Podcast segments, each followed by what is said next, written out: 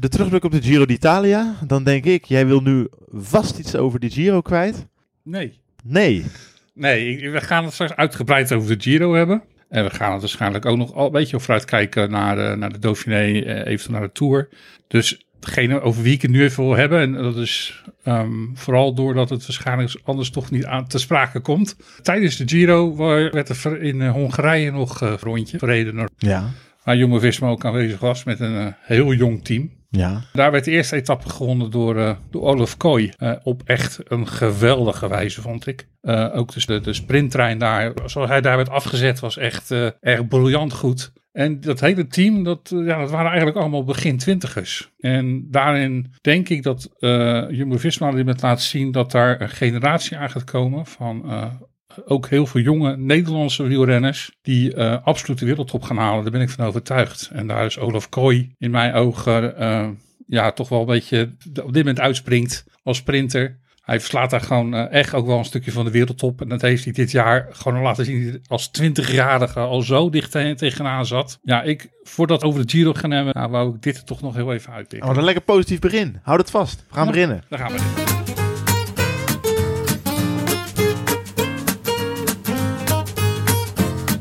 It's going to be your Jumbo Visma yet again, is it? Oh, what about that? Quality will out, and that team is rack full of it now. Wow, wow, Bernard.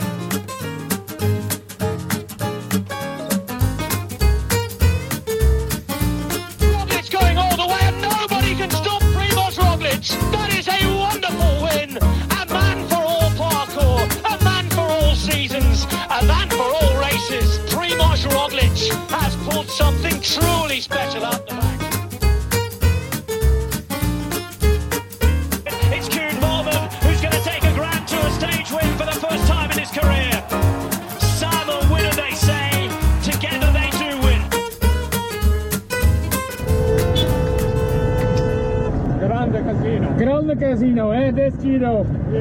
Is Ja, goedemorgen, goedemiddag, goedenavond, goedenacht. Fijn dat u luistert naar een nieuwe Grande Casino met Raimi Oordemam en met Jarno. Hallo Jarno, fijn je weer te zien. Ja, goed om erbij te zijn. Ik ga jou meteen de eerste vraag stellen, Jarno. Uh, stel je voor, ik had jou vooraf gezegd, uh, er gaat niet, nou ja oké, okay, Samo is twintigste geworden, maar er gaat niemand van Jumbo-Visma bij lange na niet in de top 10 van de Giro rijden. Maar we gaan wel twee ritzegers boeken en de bergtrap pakken en tal van ereplaatsen.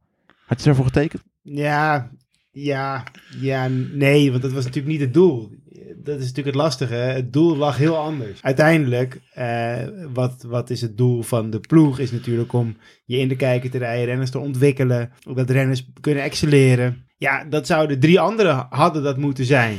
En dat zijn nu twee, voor mijn gevoel, twee anderen geworden. Uh, en dan met name Gijs uh, Leemreizen en nog, nog meer Koen Bouwman. Maar dat was niet het doel. Dus het is een hele lastige van, ja, heb je het nu goed gedaan? Heb je het niet goed gedaan? Uh, ja, je hebt het goed gedaan, maar niet met het plan wat je voorop gezet had. Kan ik hem aan jou dan anders stellen, Raim? Raim? Um, kan Jumbo-Visma tevreden zijn over deze Giro? Ja, zeker. Ja, achteraf gezien, ja. Moet je tevreden zijn, denk ik zelfs, over deze Giro. Ik bedoel, uh, elke ploeg die gaat met een bepaald doel naar de Giro toe. Er zijn eigenlijk maar altijd maar misschien 10% van alle ploegen die ook echt zijn doelen kunnen verwezenlijken. En op het moment dat je als ploeg heel snel in de gaten krijgt dat dat niet gaat lukken, door welke omstandigheden dan ook, dan moet je die knop om kunnen zetten en dan moet je iets anders uit de hooggoed kunnen toveren. En heel veel ploegen lukt dat dan ook niet. Dus als je dan als ploeg twee etappes wint, tig van eerder plaatsen, continu in aanval bent en de bergtrein mee naar huis neemt als, als uh, alternatief, als uh, plan B, ja, dan moet je gewoon tevreden zijn als ploeg. Ja, nee, ik ben het wel mee eens hoor. Want uh, kijk, nu is het dan, de kopmannen waren in mijn optiek nu ook niet goed genoeg. Dat is duidelijk, denk ik. Maar inderdaad, er, is al, er kan heel vaak een reden zijn waarom, bedoel, de kopman Simon Yates, die ging onderuit. Uh, zodanig dat hij ook niet meer kon presteren. Uh, er, kan altijd, er kunnen zoveel dingen gebeuren in een grote ronde waardoor je je doelen niet kan verwezenlijken. En dan is inderdaad die knop er zijn, er zijn vijf, zes kopmannen gesneuveld, hè, deze grote ronde. Door Daarom. welke omstandigheden dan ook. Uh, coronabesmetting, gewoon eh, niet goed genoeg zijn. Bardet. Valpartijen, Bardet, daar ligt Ja. het. En dan moet je het altijd maar weer kunnen zien te- om te zetten. En als je dan gaat kijken van oké, Bardet heeft het ook niet eh, gedaan. En dan heeft Arendsman het natuurlijk wel goed gedaan. Maar de, de rest van de ploeg, eh, ja, daar heb Ja, ik niet veel van gezien. Dainese dan, eh, die wint die sprint dan. Ja, oké. ja, maar dat was eigenlijk al voordat Bardet Of- eruit nee, was. of, of, even, ja, Dainese heeft gewonnen. Ja, en Olda- nee, nee. Oldani ook nog een etappe gewonnen. Ja, maar Oldani van op zijn Phoenix. Oh, dat is ja, Phoenix, ja, Ja, sorry. Ja, dus, dus Dainese won, maar dat was al Ja. voordat Bardet er eigenlijk uit lag. Ja. Dus eigenlijk daarna hebben ze ook niet veel meer extra kunnen doen. Dus je ziet ook hoe moeilijk het is om... Kijk, je gaat ook met een, met een ploeg die heeft een bepaalde doelstelling. En, en daar worden ook renners op geselecteerd. Eh, waarbij ze bepaalde renners selecteren om voor de uitslagen te zorgen. Ja, als die renners die voor de uitslagen moeten zorgen dat niet doen... dan is het heel knap dat je met renners die daar eigenlijk niet voor worden verwacht om dat te doen... dat dan toch doet. Zat het er toch ook een beetje aan te komen? Want we hebben vorig jaar, weet ik nog, Raheem, heb jij Koen Bouwman een keer de nieuwe Laurens ten Dam genoemd. Nou ja, dan kennen we Laurens ten Dam van zijn goede berg oprijden, maar niet van zijn vele overwinningen. We hebben een jaar gehad, ik weet nog zelfs 2018, dat Koen Bouwman al op weg leek naar een Giro ritzegen, maar dat hij in de laatste kilometer voorbij werd gestoofd door een Richard Carapaz die we toen nog niet kenden. Lag dit wel in de lijn der verwachtingen? Ja, deze jongen was er natuurlijk al een aantal keer heel dichtbij. Vorig jaar natuurlijk ook met Bernal, hè, die hem echt op, de, op, de, op die grindweg nog... Ja, eh, nou, hij was natuurlijk al een aantal keer heel dichtbij. ehm, maar ik vind dat hij dit jaar nog ietsjes meer liet zien. Er zat nog net iets meer power in, nog iets meer Ja, vinnigheid. Ik heb Laurens ten nooit zo zien sprinten hoor. Nee, dat, dat is, in die zin is het natuurlijk wel een totaal andere renner. Ja, maar wel, je Ehm, doet een beetje ondergewaardeerd. eh, en als wel knecht, Een hele goede achter- ja. ja. En hij laat gewoon nu zien dat hij, denk ik, toch weer... De laatste twee, drie jaar laat hij dat zien. Hè, dat hij langzaam die stappen heeft gemaakt. Ik heb al eerder gezegd... Hij is er heel bewust voor gekozen om zich meer te profileren als klimmer. Ja. Dus eh, daarvoor was hij natuurlijk en niet, net niet alles. Hij kon redelijk tijd rijden. Hij kon Nee. redelijk berg omhoog. En hij kon op het vlakke kon hij redelijk uit de voeten.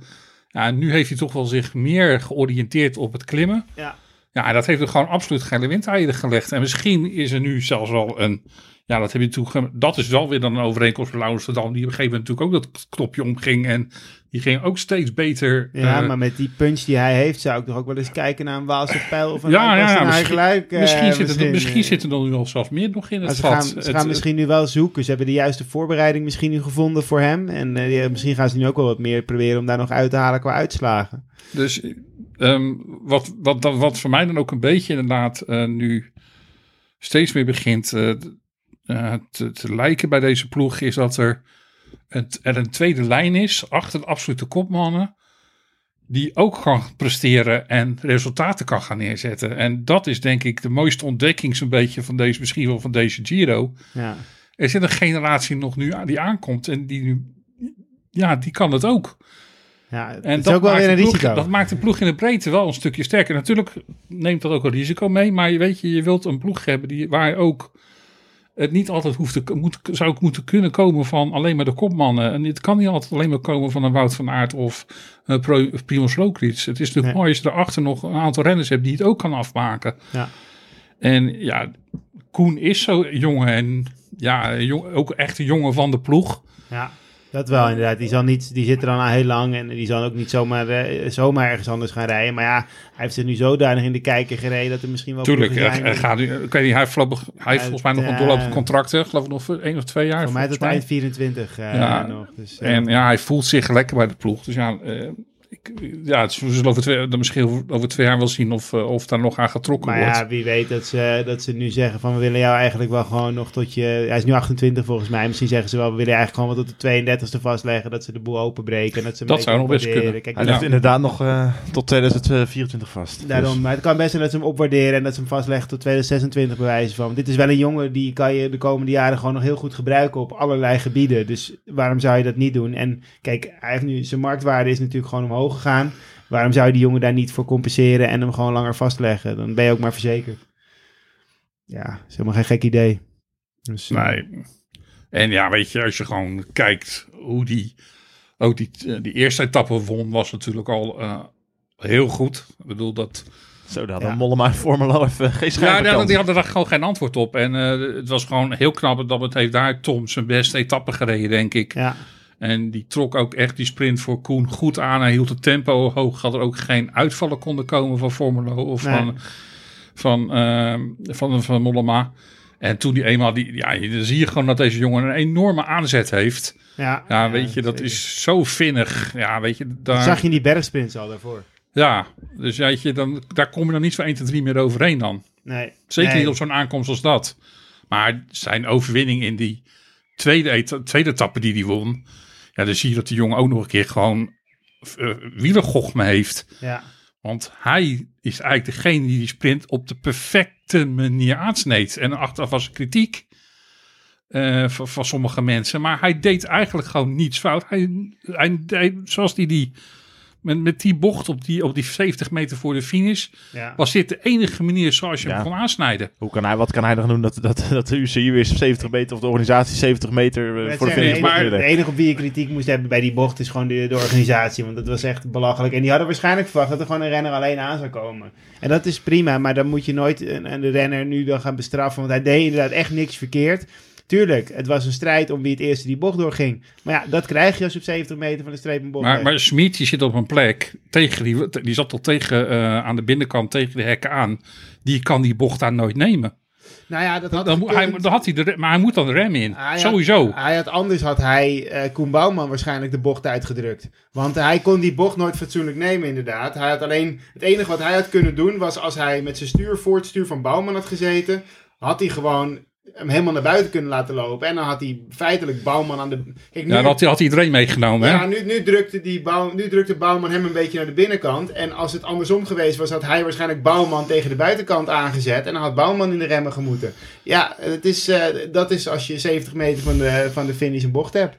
Maar zoals hij hem aansneemt, hij komt echt van buiten naar binnen toe. Ja, dat is de enige manier waarop je die bocht op een goede, fatsoenlijke manier kan nemen. Dat klopt. Maar eh, ja, die, die discussie had je altijd gehad. Als Ja. het andersom geweest was, was er ook een beetje polemiek geweest waarschijnlijk.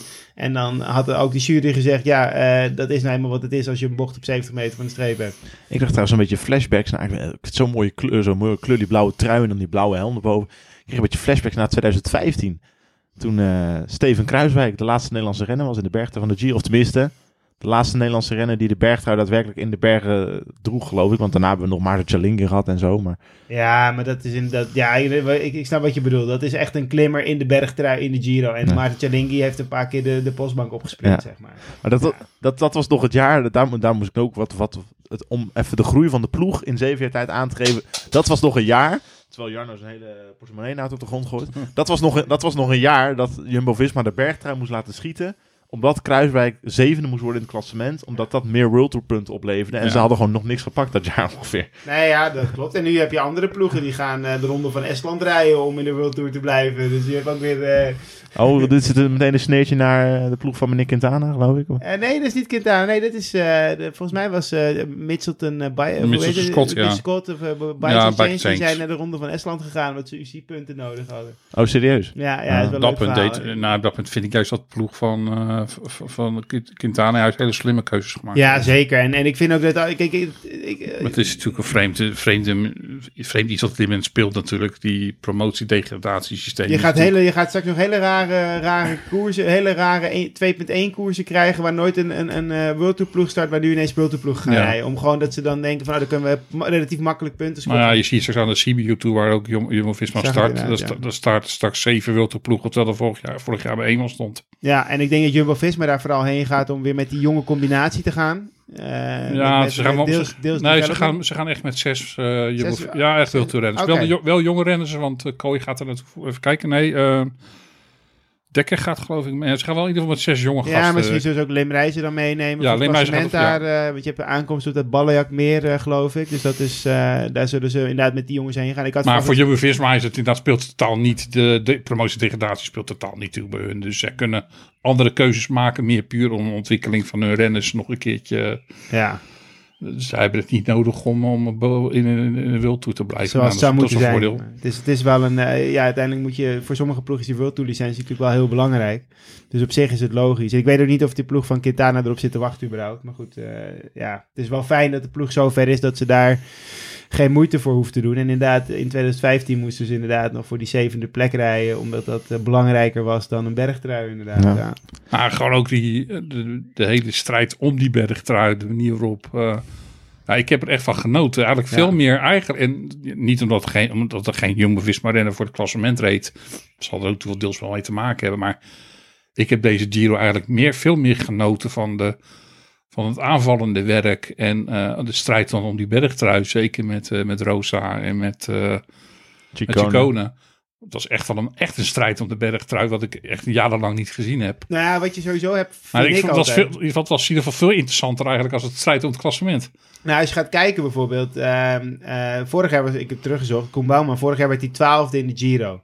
En misschien is dat fysiek een betere prestatie dan wat hij nu heeft laten zien. Want hij heeft nu eh, natuurlijk wel op die, voor die bergtrui gereden. Hij heeft twee ritten gewonnen. Maar er zijn echt wel dagen bij geweest dat hij gewoon lekker op zijn gemakkie gereden heeft. Dat hij gewoon de finale eh, rustig aan kon doen. En als hij gelost werd in die vlakke aankomst, ja, zo so be it. Er zijn echt wel dagen bij waarbij hij ook veel rustiger aan kon doen. Zo'n zo'n zo'n prestatie om 12 te worden in het eindklassement is echt wel knap. Want dan moet je er elke dag aan staan. En ehm, dat is gewoon mentaal ook gewoon heel zwaar. Dus wat dat betreft is dat misschien wel knapper. Maar nu heb je veel meer van, van hem genoten. Tot die twaalfde plek in het klassement. En ja, ja, dat is leuk. Maar daar heb je eigenlijk niet zoveel aan. Dus dat is echt wel een, een misvatting die je vaak daarover hebt. Terwijl het eigenlijk gewoon hartstikke knap is. En dit is, ja, dit is gewoon veel attractiever. Hier geniet je als wiel- wielerliefhebber veel meer van. Over attractief gesproken, mannen. ehm, hoe bijzonder is het dat jij als 22-jarige jonge knaap in een ronde die eigenlijk nog helemaal niet op de planning stond, waarin je Chris Harper vervangt, vijf keer een top 10 plek behaalt. Waarvan twee podiumplekken. Nou ja, we hebben het in de vorige podcast, volgens mij vonden we het nog een beetje een bijzondere keuze. En zaten een beetje van, nou, hè, wat zit daar dan achter? En nou, ja, toch een beetje apart. We hebben het over Gijs Leemreis. We hebben het over, ja, nee, zeker. Maar de, eh, de- wij hadden toen nog zoiets van, ja, waarom doen ze dat? En is, of is, is Harper dan, dan ziek? Of, of gaat dat echt niet goed? Of, of vormcrisis? Maar ja, misschien zagen ze bij de ploeg wel gewoon aan de data dat Gijs Leemreizen eh, ook gewoon echt heel goed was of is. En eh, dat hij dit heel goed aan zou moeten kunnen. Nou dan hebben ze dat heel goed gezien. En dat is natuurlijk sowieso bijzonder knap op die leeftijd in je eerste grote ronde om dan op die manier in de ronde te vliegen. Dat eh, is echt indrukwekkend. Nou, we zijn intussen wel achtergekomen inderdaad dat eh, wat de reden was waarom Chris Harper niet meeging. Die had inderdaad een corona-infectie. Ah, Dus eh, daardoor, eh, daardoor viel hij dus af. Ja, Nou, dat was ook ah, nu, ja, nu achteraf denk ik ook wel het meest logisch. Want hij, ja, hij reed gewoon een volledige be- voorbereiding. Dus het was al gewoon heel vreemd. Maar dan is natuurlijk een coronabesmetting ja, de meest logische reden om dan af te vallen.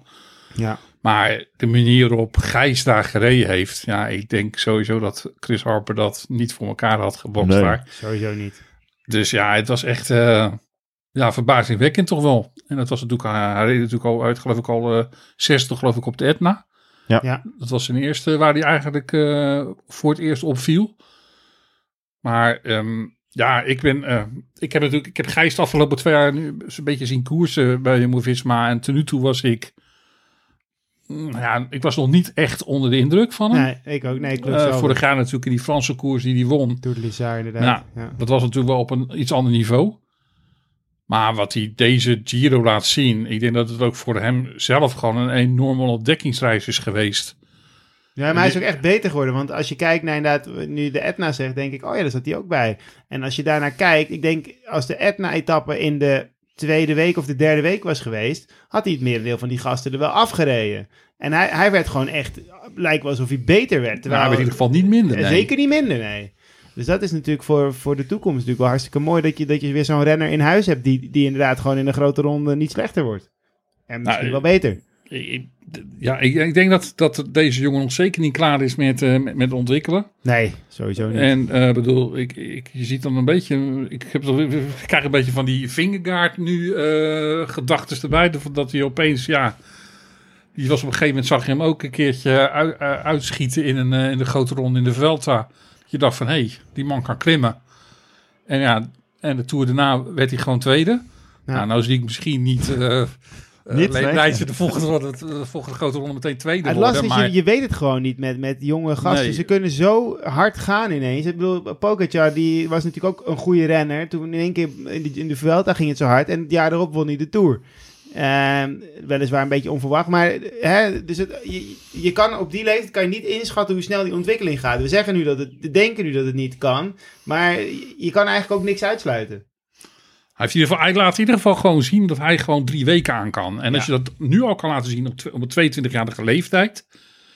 Ja, dat, dan is dat toch vaak wel een indicatie dat er gewoon veel meer nog in zit als dit. Ja. Jij noemt nu Wingegaard. Moet, moet jij niet aan een hele andere renner binnen de ploeg denken? Als je Gijs Leemreizen ziet.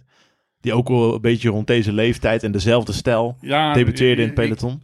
Ik, ik denk dat je bedoelt... eh, Toevallig, toevallig familie ook. toevallig familie, ja, nee, ja, eh, ja, een Geesink. Ja, Vandaag 36 geworden ook trouwens. Van harte Ja. Robert. Ja, van harte Robert. Ja, hij- ja, ja, hij lijkt absoluut wel. In heel veel dingen lijkt hij inderdaad op Robert. Ja, want hij heeft ook wel een beetje Dat, datzelfde... dat, dat lange slungelen gaan. Ja, eh, en ja. eh, de, zijn stijl van fietsen lijkt ook Eigen enorm tempo. ja, lijkt Eigen enorm- tempo, niet echt de explosiviteit inderdaad. Ja, ik, noem hem, ik heb hem als bijnaam al de diesel een aantal keer genoemd. Ja, Want eh, ja, deze jongen die... Wat, wat, wat, ik gewoon, wat mij gewoon heel erg opviel... je krijgt hem niet kapot. En, eh, Mathieu van der Poel heeft- probeerde een Mathieu heeft dat geprobeerd. En die, ja, weet je, die- deze jongen die blijft gewoon gas geven. Buitrago lukt het wel helaas. ja je, en je krijgt hem, wat, wat aan de andere kant, want je krijgt hem fysiek misschien niet kapot, maar je krijgt hem ook mentaal dus niet echt makkelijk Nee. gebroken. Want hij had, door die aanval van Mathieu had hij ook mentaal kapot kunnen gaan. Dat is ook niet gebeurd. Ja, wat hij achteraf natuurlijk zelf zei. En dat is gewoon, vind ik, eh, voor een jongen van 22 heel professioneel gedacht.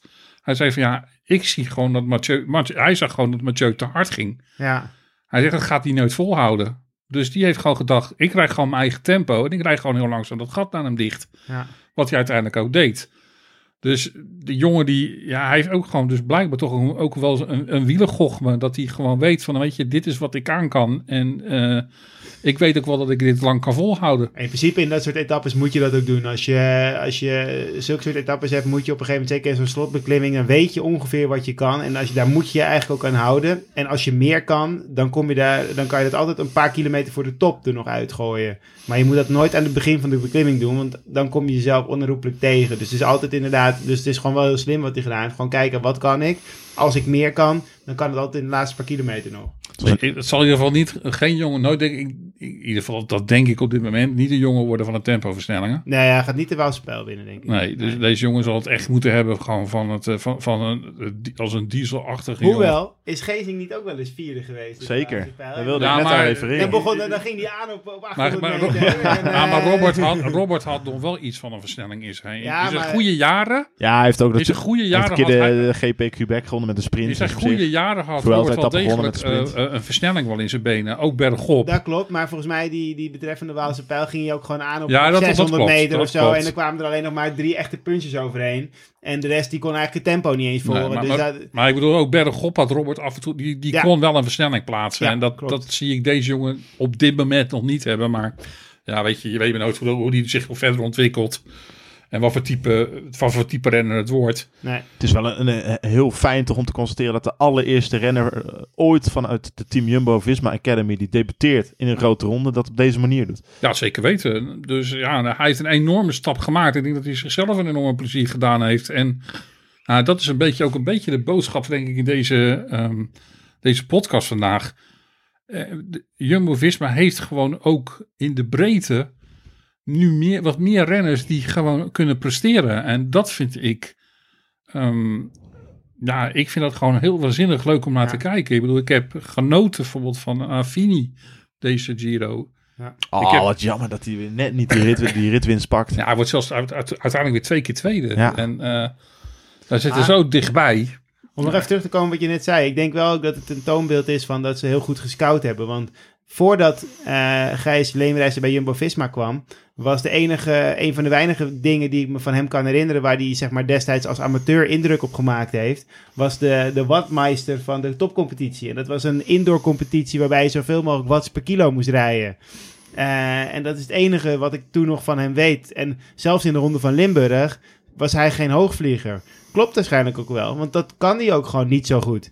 Dus zo zie je wel dat, het, dat, het, dat ze dat wel helemaal, dat ze hem wel echt gevonden hebben eh, met scouting. Dus dat is wel heel mooi en dat komt er Maar- nu ook gewoon uit. Dat is ook gewoon... Ik, ik, er is absoluut niks mis met de scouting van Jumbo-Visma Nee, in dit geval. Dat is de afgelopen jaren wel gebleken. En dat, hij kan dalen. Zo, hoe goeie, en hoe? Ja, Zo.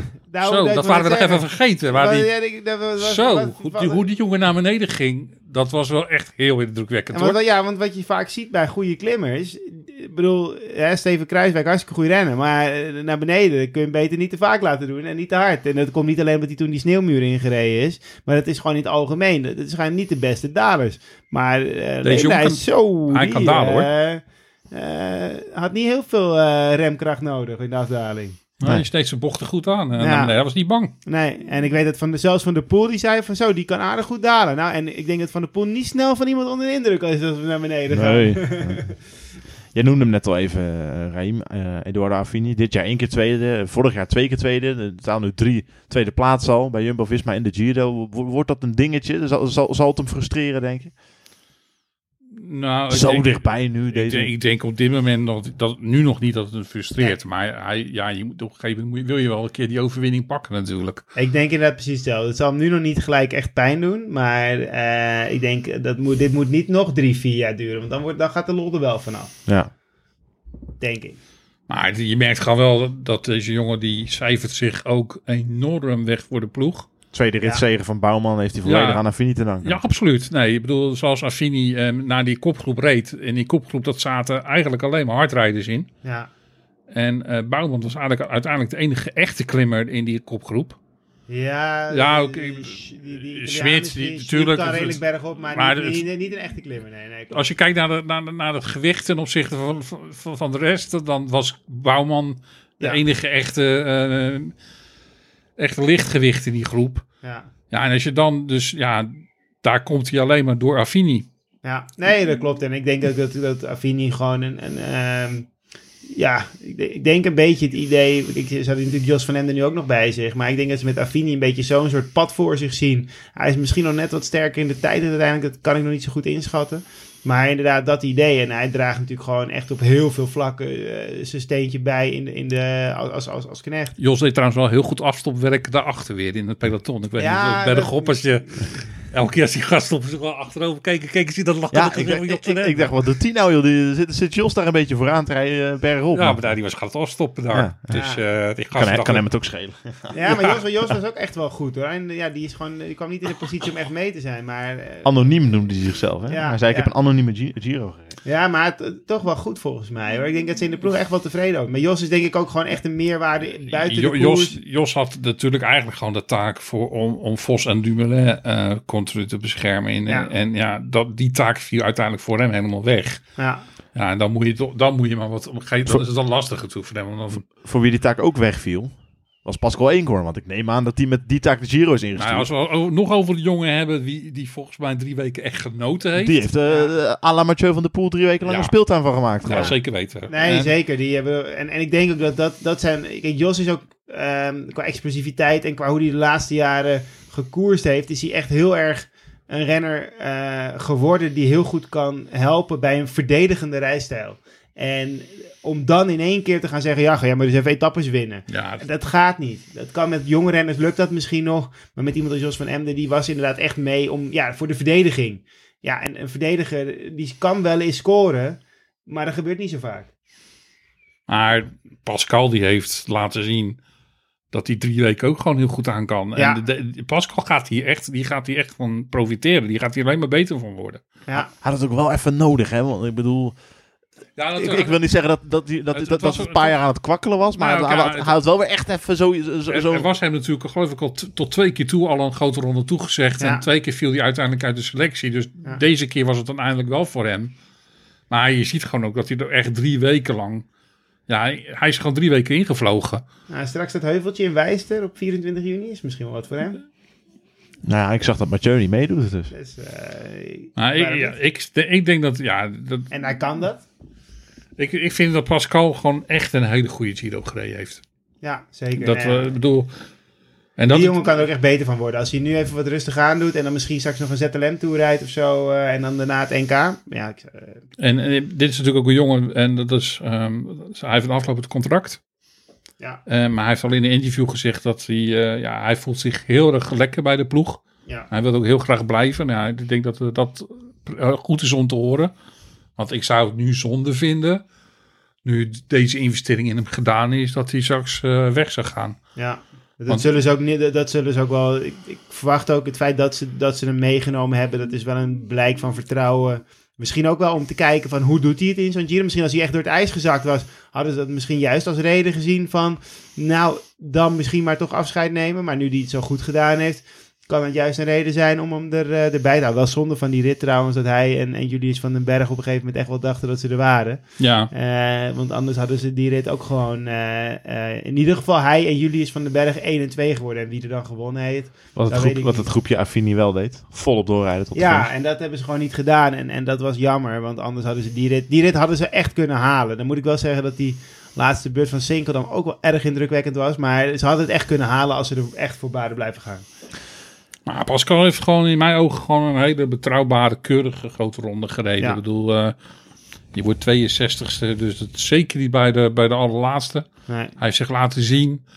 Eh, hij, heeft, hij heeft ook echt nou, laten zien dat hij ervan genoten heeft. En dat Ja. vind ik leuk om te zien. Nee, zeker. En 62 is net voor mij inderdaad. Want, eh, toevallig zag ik dat Mathieu van der Poel ergens iets van 58ste was of zo. en dat zijn van die plekken. Dan heb je het nooit. Heb je het in principe. Natuurlijk kan je best een keer een slechte dag hebben gehad. Maar dan ben je niet in de problemen geweest, Nee. zeg maar. Je- Ook bergop niet dan. Nee, nee, want je zag het, maar je zag het ook. Ik bedoel, als jij de tijd hebt om met een Colombiaanse, Colombiaanse vlag te gaan zwaaien, dan, eh, dan, dan zit jij niet te vechten op de tijdslimiet.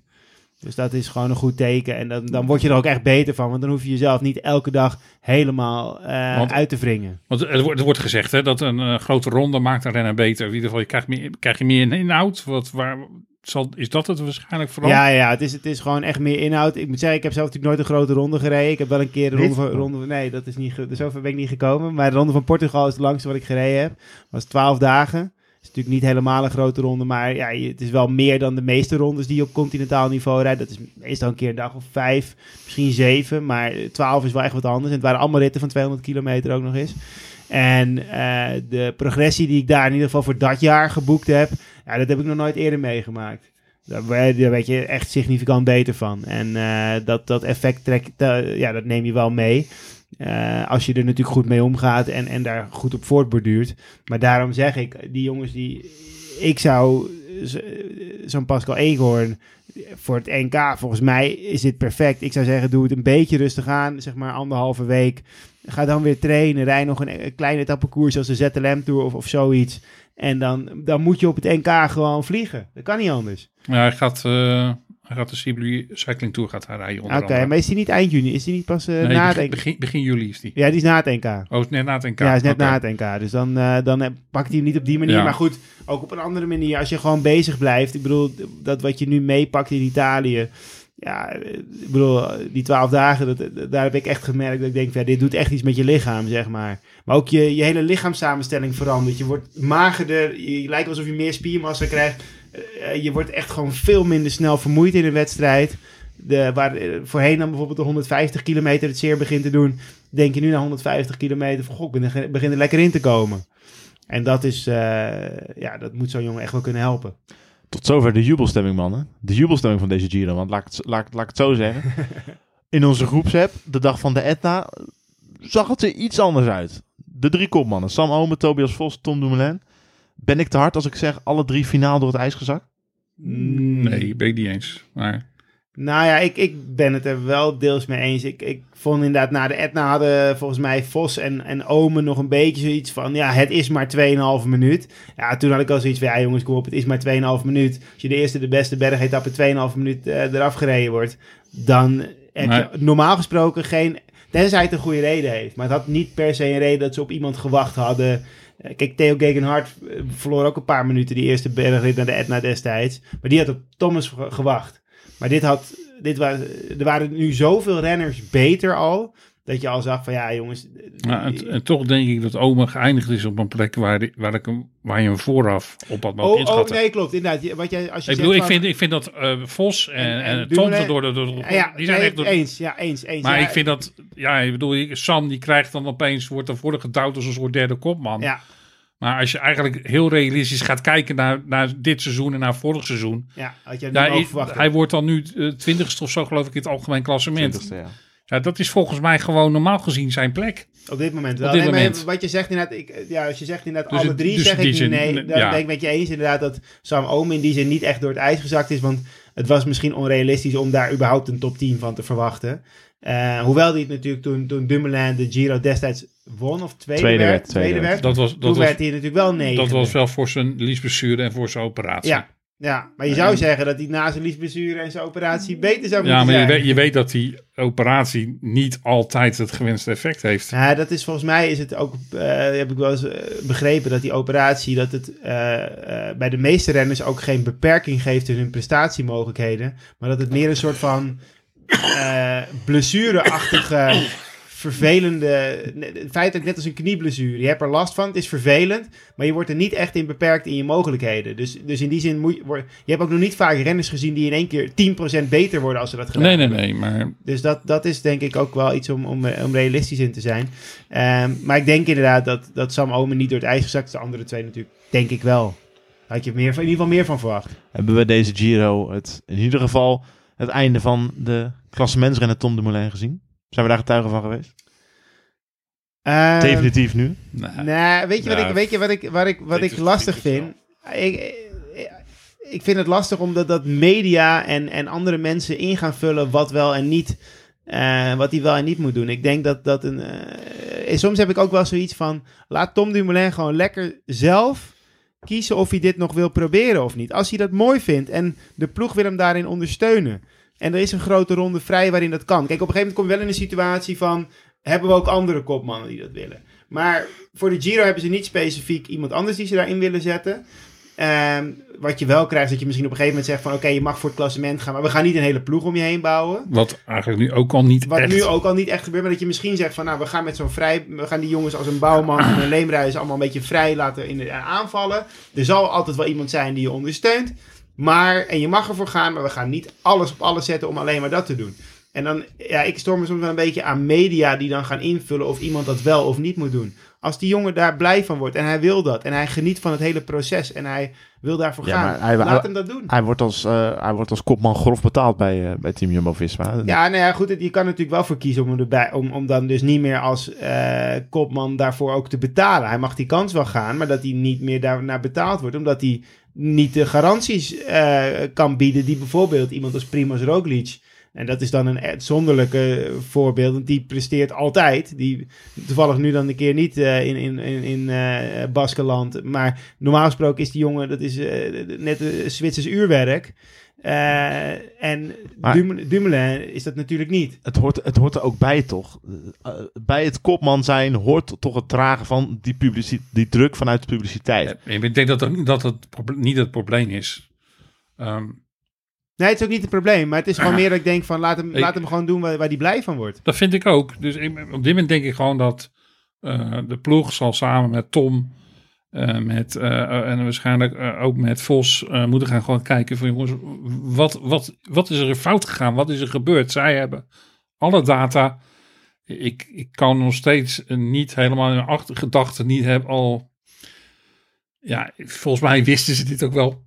Ik, bedoel, er, moet toch ook al iets gezien zijn op hoogtestage. Waarom ze bijvoorbeeld ook Sam Omen opeens naar voren schoof als derde kopman. Dat, dat ik al begin te twijfelen of men eigenlijk al niet wist dat ze geen 100% waren. Dat zou kunnen inderdaad. Dat er al twijfel was over, ja, gaan ze dit redden? Ja, want na de hoogtestage in het voorjaar hoorden ze wel al van Wout van Aert is echt onze kopman. En dat kwam waarschijnlijk omdat hij op hoogtestage gewoon echt veel sterker was dan de rest. De gok ik. Dus ja, weet je, maar ehm, ja, ik vind het op dit moment gewoon veel te vroeg om te zeggen van, weet je, klaar, dit, dit, dit, dit- hij is geen kopman, hij zal geen klassementen meer gaan rijden. Dat, weet je, ik bedoel... Maar zijn ehm, salaris zal hoe dan ook wel wat verlaagd worden hoor, denk ik. er, er zal, er ja, nou kijk, eh, ik, ik zit niet aan de onderhandelingstafel, dus Nee, de- maar bedoel, hij is natuurlijk wel binnengehaald als echt een kopman. En, En dat, ja, dat, dat, dat maar- maakt hij eigenlijk je, weet dat je afgerekend wordt ook op de jaren die je hebt laten zien. Ja, en die, in die zin heeft hij natuurlijk de afgelopen twee jaar veel minder laten zien als een jaar ervoor. Dus ja, Ja. weet je, dan ga je ook op een gegeven moment naar betaald worden. Dat, Dat, wordt afgewaardeerd. Dat is logisch. Dus dat, dat, dat is ook helemaal niet ik denk ook dat hij dat zelf ook wel heel goed weet. Dus dat, En- is, dat zal ook helemaal het probleem niet zijn. Dat is voor hem, ik, ik denk zelf dat hij dat misschien helemaal niet zo erg vindt. Want dan zit er ook gewoon wat minder druk vanuit de ploeg op. En dan kan hij misschien wel veel vrijer fietsen. En dan hoeft hij niet dat salaris elke keer maar weer te verantwoorden. Ik kan me voorstellen, en, en ik bedoel, laten we eerlijk zijn. eh en, en Tom Dumoulin, die hoeft het echt niet meer per se daarvoor eh, te doen. Dus, dus dat is, voor hem is het gewoon de, de passie en, en dat hij het mooi vindt of niet. En als hij het niet mooi vindt, dan, nou, dan moet hij ook gewoon stoppen. dan moet hij er ook gewoon mee stoppen. En ik denk dat hij, dat ook, dat hij er ook echt zo in staat. Van, als ik er echt geen, geen lol meer in heb, dan ga ik wat anders doen. Want eh, ik bedoel, hij is uiteindelijk eh, fanatiek gaan fietsen... omdat hij uitgeloot werd voor geneeskunde, geloof ik. Dus eh, hij kan ook wel iets anders gaan doen. En Tobias Vos dan? Ja, een beetje hetzelfde verhaal. Ik bedoel, ehm, die is nog wat jonger. ja, en Vos heeft natuurlijk gewoon... eh, ik denk dat, dat je bij Vos gewoon kan kijken... als je gewoon gaat kijken naar eh, de, de, de, de opbouw van dit seizoen... Nou, die was verre van ideaal. Ik bedoel, hij is gevallen, hij heeft een coronavirus gehad... Wat natuurlijk bij Tom ook is. We weten nog steeds niet wat de langdurige effecten zijn van een coronavirus.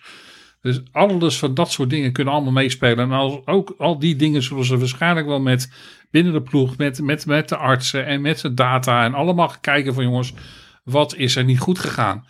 Maar ik- om nu Tobias Vos ehm, af te schrijven als klassementsrenner, nee, dat, bij Tobias Vos wil ik daar al helemaal niet aan Nee, denken. Die daar jongen, die, daar is jongen nog niet, veel te jong voor. En ik moet ook wel zeggen, wat ik ook op een gegeven moment las ik zo'n eh, een artikel waarin volgens mij Sam Omen zoiets zei van ja, de laatste week van de trainingskamp reed Tom Dumoulin echt hard.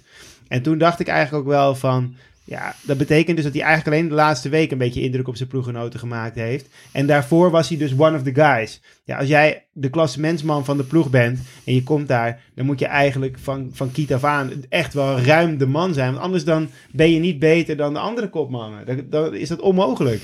Dus vandaar dat ik ook wel denk dat, het, dat ze misschien bij de ploeg dat wel al geweten hebben. Het zou best wel kunnen. Al met al, ga maar een cijfer geven voor deze Giro van Jumbo-Visma. Ja, dikke voldoende. Eh, In mijn ogen gewoon een 8. Een 8. Ja, ik zou Nou, weet je, bedoel, kijk, je kan, je kan zeggen, weet je wat, als je van tevoren, eh, als- je anders gaat bekijken, laat zeggen, je gaat eh, geen doel, je hebt geen doelen gesteld van tevoren en je gaat gewoon met deze ploeg naar Je de gaat Giro met dit toe. resultaat naar huis. En je komt met dit resultaat naar huis, Ja, dan is het, ja, is het toch gewoon een 8? Ja, dan is het een 8. Alleen als je het, laat ik het zo zeggen, als je het gaat beoordelen op de doelen die vooraf, de, het plan wat ze hadden, ja, ja, nou, dan, is, dan is het een, eh, een, een, een 3 of zo. Ja, maar de, houders, ik vind gewoon dat je een ploeg moet afrekenen op het feit wat ze gepresteerd hebben uiteindelijk. En als jij dus eh, je kopmannen ziet falen en dan zo de knop kan omzetten Ja, en dit, eh, met deze resultaten naar huis komt, ja, dan, moet je, dan moet je als ploeg gewoon een dikke voldoende krijgen. ja, mee eens. Nee, ik ben, ik ben het met je eens. Alleen inderdaad, eh, kijk, intern zullen ze Dus je niet hebt- helemaal positief zijn. Ik denk, maar- nee, ik denk dat ze zelf misschien intern zullen ze kijken of zullen ze misschien gebaald hebben. Ze zullen, ze, zullen ze denken van ja, jongen, dit was niet waar we ervoor gingen. Iets wat ze dus in de media sowieso nooit naar buiten zullen brengen. Intern zullen ze misschien wel zo overdenken. Maar weet je, als je uiteindelijk met een, met een bergtrui en met twee sprintetappen en tig van eerder plaatsen naar huis toe komt. En als je gaat kijken, Aanvallend koer, gekoerst hebt. waar draait een, een, een, wat is belangrijk voor, voor een wielerploeg om, om in leven te blijven? Publiciteit. Waar haal je meer publiciteit mee? Met de vijfde plek, bij wijze van spreken, van Tom Dumoulin? Of met twee ritzegers, een bergtrui en zo'n aanvallende Giro? Als je het van dat oogpunt uit bekijkt, is dit, zeg maar, publicitair Voor de sponsoren ook. voor de sponsoren beter dan een vijfde plek in het klassement. Alleen als je gaat zeggen van, hebben we onze doelstelling gehaald?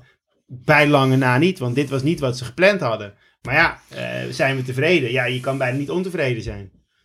Nou, op naar de volgende weekje. Beginnen we aan de Dauphiné en dan gloort hij aan de horizon. Zeven renners nog altijd op papier. Wie wordt nou die achtste? Het kan toch alleen Christophe Laporte zijn? Nou ja, dat lijkt mij eh, kijkend. Mike Teunissen nu ook geva- gevallen natuurlijk. Ja, nee, maar kijk, als je gewoon kijkt naar de selectie van eh, de Dauphiné, waar Laporte is opgenomen. Ja. voor, mij, voor mij is de selectie nu rot. Ik kan me niet voorstellen dat... dat, dat was voor jou het beslissende zetje van ja, oké. jawel. Ja. En eerlijk is eerlijk, als je gewoon gaat kijken naar het hele voorseizoen. Als je kijkt naar Van Hooijdonk, en Teunissen en Laporte. En je moet gaan kijken welke van de drie heeft er het meest uitgesprongen. Ja, kan je gewoon niet om Christophe, Christophe heen. Fransman, ook nog eens. Ook dat speelde natuurlijk misschien nog wel mee. Maar gewoon ook zijn hele manier van koersen dit voorjaar. Ja, vind ik gewoon dat hij de, de- die plek heeft afgedwongen. Ja, nee, mee eens. Ja. Ik denk dat eh, dat, dat inderdaad eh, het, Het, het, voorjaar het zou me echt enorm verbazen als er toch op een gegeven moment nu gekozen wordt voor Teunissen of Hooijdonk. Dus of hij moet in de Dauphiné gewoon door de, door de, door de mand vallen. Maar dat, dat ja, echt een vormdip of zo. Ja, dat, dat zie ik, denk niet dat dat gebeurt, maar Ja. ehm, nee, ik, eh, voor mij ja, is, is het wel duidelijk dat, eh, dat, dat eh, de acht nu al duidelijk is. Ja, nee, dat, dat kan ook bijna niet anders. Ik denk dat... en, eh, en dan ga je gewoon echt met een geweldige selectie die kant Wie op. is nou de enige? Oh ja, Sepp Koes, dat is de enige hè, die niet van de toerploeg naar de Dauphiné Ja, klopt. Dus Dat, is, ja, dat vind ik ook wel mooi dat ze nu eigenlijk al gewoon. De, die, ze, ze kunnen natuurlijk met zeven opstellen. Maar dat ze gewoon zeven man van de toerploeg, ploeg, toerploeg in principe gewoon opstellen voor de, voor de Dauphiné. ja, Nou, vind ik een heel verstandige zet. ja, nee, ik vind het ook wel mooi dat, eh dat Roglic hem ook gewoon weer rijdt. Ik denk ook dat het uiteindelijk misschien wel de beste voorbereiding is. Ik snap wel dat ze een keer wat anders geprobeerd hebben. Maar ja, aan de andere kant denk ik, je kan hem ook maar in de pocket hebben. Hè? De, de, eh, En het is, het De is, Dauphiné. een, het is een pittige Dauphiné. Het is een pittige Dauphiné. Ehm, ik Het is, bedoel, het, is, zag- het is veel geaccidenteerd terrein. ja, ik zag dat eh, bijvoorbeeld eh Bike Extension neemt Groenewegen mee. Ja, voor Nou, welke ik, etappe ik, dan? ik vraag me af of die, een, of die een etappe gaat krijgen waar die, waar die kan dan sprinten. waar hij überhaupt kan sprinten inderdaad. Ja. Maar ja, die gaat dan waarschijnlijk gewoon mee om zijn kilometers te maken voor de Tour. Maar verder zie je ook bijna geen topsprinters eh, die meegaan eh, op dit moment nog. Dus de, de, de startlijst is nog verder van compleet. Maar ik, ik zie nog geen, op dit moment geen hele grote topsprinters op die lijst staan. En dat is ook, ja, als je gewoon gaat kijken naar de etappes, ook niet vreemd. Maar vanuit, de, vanuit de punten is het ook een beetje gek dat ze groene wegen dan toch daarmee naartoe nemen. Want uiteindelijk... Ja, ik zou de ronde van Zwitserland laten rijden. Ja, want je, wil dan, je hoopt dan toch dat hij, als hij dan ergens rijdt, dat hij in ieder geval één of twee sprintjes kan winnen. Bewijzen van voor de punten. En, En en- want kan je in Zwitserland waarschijnlijk eh, sneller dan zo'n eh, in de Dauphiné dit jaar. ja, dat, eh, dat denk ik ook wel inderdaad. ja. Hebben jullie nog, nog, nog een klein vraagtekentje rond eh Primoz Roglic richting de Dauphiné? Natuurlijk Nee. plus geblesseerd geweest, tijdje niet in actie gezien.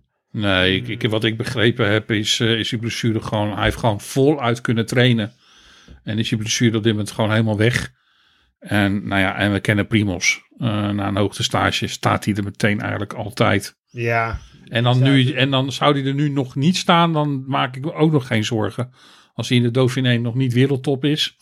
Nou, misschien is het juist, juist wel goed dat hij nog niet helemaal top is. Zo daar, dan weet je, dan hij heeft de neiging om altijd juist echt zo top gelijk... eh, Dus ik zou, zijn. ik zou mezelf geen eens grote zorgen maken als hij bijvoorbeeld in de Dauphiné's in de etappes uitkiest bijvoorbeeld.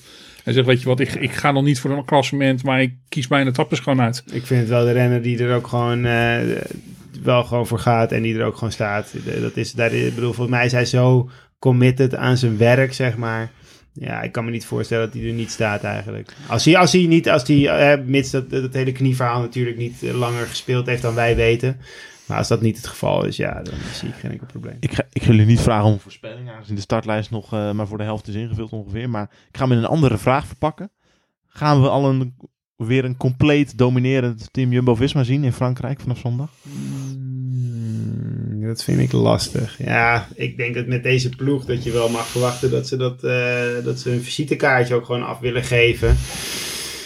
Eh, en, en ook de koers wel in handen zullen nemen. En zeker voor dit terrein hebben ze daar ook de renners voor. Dus ja, eh, ik verwacht wel dat ze, dat ze eh, dominant kunnen gaan zijn. Ja, eigenlijk wel. Ja, het is ook wel een goede morgen, wat een ploeg. Ja, Ja, het is, eh, het is wel echt, eh, ja, je staat gewoon zo'n beetje je, je beste zeven renners aan de start die je, die je denk ik zou kunnen opstellen. Ik bedoel, Ja. Nou, we, we- kunnen het even opzommen. We hebben eh, een winnaar van, hoeveel heeft hij er, Wout? Vier etappes in de Tour.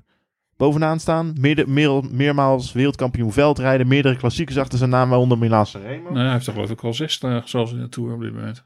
ja. Zes. Dan, gaan we, dan ga ik even rekenen hoor. Nee, sorry, vijf. Vijf. Vorig, Twee, twee volgens mij in zijn eerste. vor- vorig jaar twee. Vorig jaar En- drie. Drie had hij er vorig jaar. Vorig jaar Dus- tijdrit. Oh ja, tuurlijk. Ja, ja, ja. en Nee, het jullie jaar ervoor had hij er volgens mij twee. Ja. Volgens, mij, volgens mij is hij al een vijf. 2019 had hij er eentje in de sprint. Had hij er toen al twee? Even kijken, nou, nou moet ik het ook even... Ja, dan gaan we het. Dan gaan we het Ja. doen.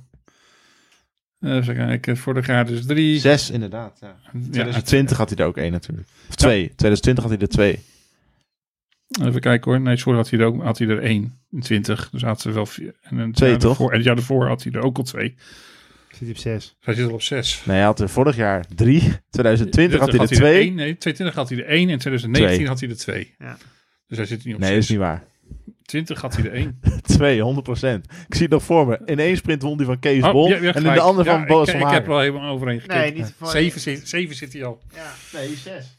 Vorig jaar drie. Oké, dit ga ik er echt uitknippen. Vorig jaar drie. 2020 twee. En 2019 één. En dat is bij elkaar zes. Nee, 2009, ja, de, de ploegentijd dit mag je meerekenen. of Nee, niet? ja, dat is geen, eh, dat is geen Ja, etappewinst oké, voor Wout van oké, Aert. Zes Nee. dan. Oké, Oké. zes. Nou, het zijn er zes. Nou, dan heb je daarna heb je de nummer twee van de Tour van vorig jaar. Ehm, Jonas Vingegaard, ja. Ik eh, stop met Jonas, Jonas Vingegaard, want eh blijkbaar word je daarop afgerekend. Dus het is gewoon Jonas Vingegaard. Ja, heel goed. Daarna heb je de eh, nummer 3 van de Tour van 2019. Dan heb je eh, ook een klassieker winnaar.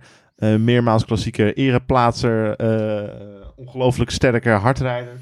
Ehm, daarna heb je een viervoudig Vuelta winnaar. eh tourpodium. Ehm, Ja, wa- wat heeft hij nog niet gewonnen? je hebt een, eh, Alles behalve de Tour, denk ik zo En de. Do- Ja. en de Dauphiné trouwens. En over... eh, ja. Je hebt een, eh, een Fransman eh, die eh, dit jaar meerdere ereplaatsen in klassiekers, een rit in Parijs-Nice. En vervolgens heb je een ongelofelijke stoomlocomotief die eh, de, de Giro-overwinning van Wilco Kelderman ooit aan Gort heeft gereden. Nou ja, Ja. En dit jaar trouwens een hele goede ronde van Roman die je reed. ja, Ja. zeker. Bijna. het is, het is vrij absurd als je het even opstond zo. Ja, nee, dat ik bedoel je. En het voordeel is dat deze jongens, eh, bijna al deze jongens, meerdere kwaliteiten hebben. Ja, je kan ze op Eh, meerdere terreinen inzetten. Want Dennis die kan en op het vlakke prima uit de voeten, maar ook bergop kan die gewoon heel lang mee. Nou Ja, Wout weten we, die kan gewoon, Wout kan alles. Ja. Eh Primos die kan zich op het vlakke ook best gewoon goed uit de voeten halen. Die, die, Laporte kan ook nog zelfs een, een deel bergop helpen. ja, wijze van. die Dus zal ja, ook niet met 1, 2, 3 bergop eraf vanaf rijden. En ja, Ties Benoot is natuurlijk multi-inzetbaar. Ja. Ja, die is zelf nog een keer 18 of zo in de Dauphiné geworden. Dus ja, die kan ook best een aardig tijdje meedoen. Ja, dus je hebt gewoon, ja, het is gewoon een hele sterke selectie met jongens die, eh, ja, eh, je, ja, je, je kan gewoon bijna, bijna elke etappe ben je gewoon mede favoriet. Ja. Ja, en Wout van Aert kan natuurlijk ook nog, eh, als het wat lastiger geweest is en een Groenewegen, ook al is Groenewegen er niet afgereden is, kan hij winnen. Maar als Groenewegen er afgereden is, dan is hij op een gegeven moment helemaal de enige die nog kan sprinten, bij wijze van. Kan je je voorstellen, we hebben, we hebben hier een 30 kilometer lange tijdrit in zitten. Je kan met, die, met van deze groep kan je gewoon met, ehm, met vijf man in de top 10. Ja. En Parijs niet. Een 1, 2, 3, 4, 5 Was het toch ook 1, 2, 3? Ja. Dus ja eh, Je, kan het goed tijdrijden, Van Aert kan het tijdrijden, Roglic, Laporte, Dennis. Het zijn allemaal zulke goede hardrijders. ja. Ja, het, ehm, ja, Het kan een hele mooie Dauphiné worden. Nou, met die, eh, met dat prachtige, met die prachtige tegeltjes wijze sluiten we af. Een paar dagen rust nog. Vanaf zondag weer genieten. Tot de volgende.